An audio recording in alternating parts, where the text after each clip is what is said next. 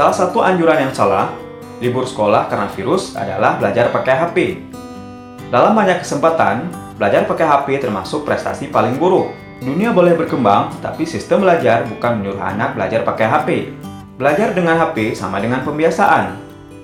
Memberikan HP untuk belajar diakali untuk bermain game atau bermedia sosial. Jangan lupa, anak-anak paling pintar dalam menyibuli. Paling pintar dalam mencuri pakai data, bahkan tahu cara mencuri password WiFi tetangga. Sudahlah, kembali lagi ke gaya belajar zaman dulu. Buku-buku pelajaran juga sama dengan yang ada di internet. Anak yang pintar secara visual juga sama. Anak yang cuma belajar secara audio juga sama. Anak yang harus pakai belajar dengan cara media audio visual juga sama sejak dulu. Adakah orang tua yang menemani anak belajar pakai HP? Duduk nggak orang tua bersama anak saat belajar pakai aplikasi belajar online? Orang tua sibuk sendiri. Ibu sedang memasak, ayah sedang mencangkul di sawah. Anak-anak dibiarkan main HP dengan dalih belajar online. Ini semua tidak benar. Kembalikan gaya anak-anak belajar zaman dulu. Buku-buku itu masih harus dibuka. Kertas harus segera dicoret-coret.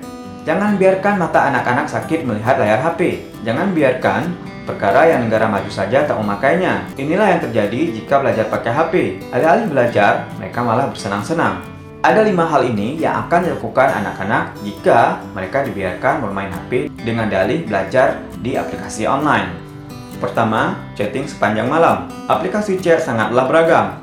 Grup chat juga demikian. Belum lagi kalau sudah ada kekasih. Alasan belajar di kamar malah digunakan untuk chat lama dan panjang sekali. Sekali membuka aplikasi chat akan sangat terlena. Satu dibalas, lainnya minta dibalas terus. Satu masalah selesai, masalah lain datang. Kekasih merajuk, kirim stiker banyak-banyak. Nggak diladeni, minta putus. Akhirnya, HP habis baterai, kepala bersandar ke bantal, lalu terlelap di jam 2 pagi. Karena besok masih libur. Kedua, main game. Main game juga candu. Sama dengan chat.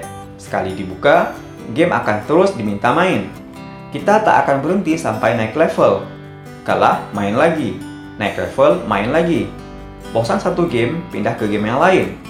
Begitu seterusnya sampai baterai habis, pakai data nggak tahu ke mana, dan kita juga lelah. Dan belajar lagi-lagi tak terbayangkan. Paket internet khusus belajar yang didapat dari diskon aplikasi belajar diabaikan begitu saja karena game lebih asik dan seru. 3. Nonton video. Video-video yang baru rilis atau sedang trending sangatlah menarik untuk ditonton. Pamer kekayaan, belas kasihan, hidup susah yang murai air mata, buka aib di depan umum adalah konsumsi yang menarik.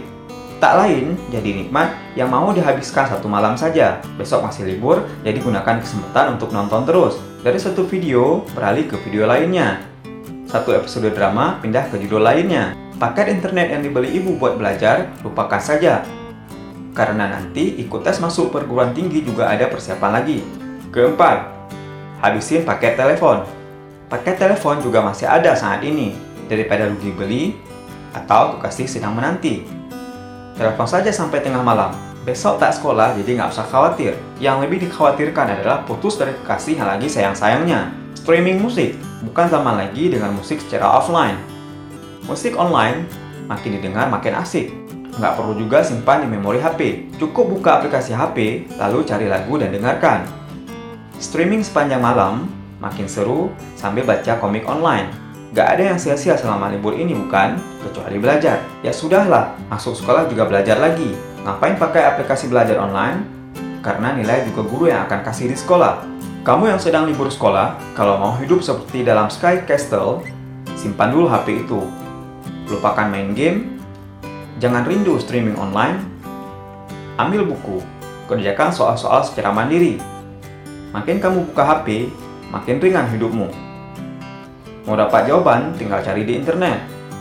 Perhitungan angka mudah, cukup buka kalkulator. Tak ada lagi waktu untuk memikirkan solusi terbaik. Jika kamu tidak percaya ini, maka lakukanlah semau harapan penjual aplikasi online.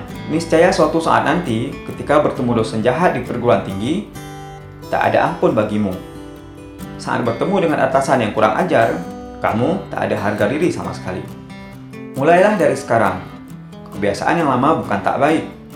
kebiasaan yang baru juga tidak selamanya jelek. Namun, satu hal yang pasti, lebih baik kamu belajar mencoret di buku tulis daripada menggerak-gerakkan jari di atas layar HP.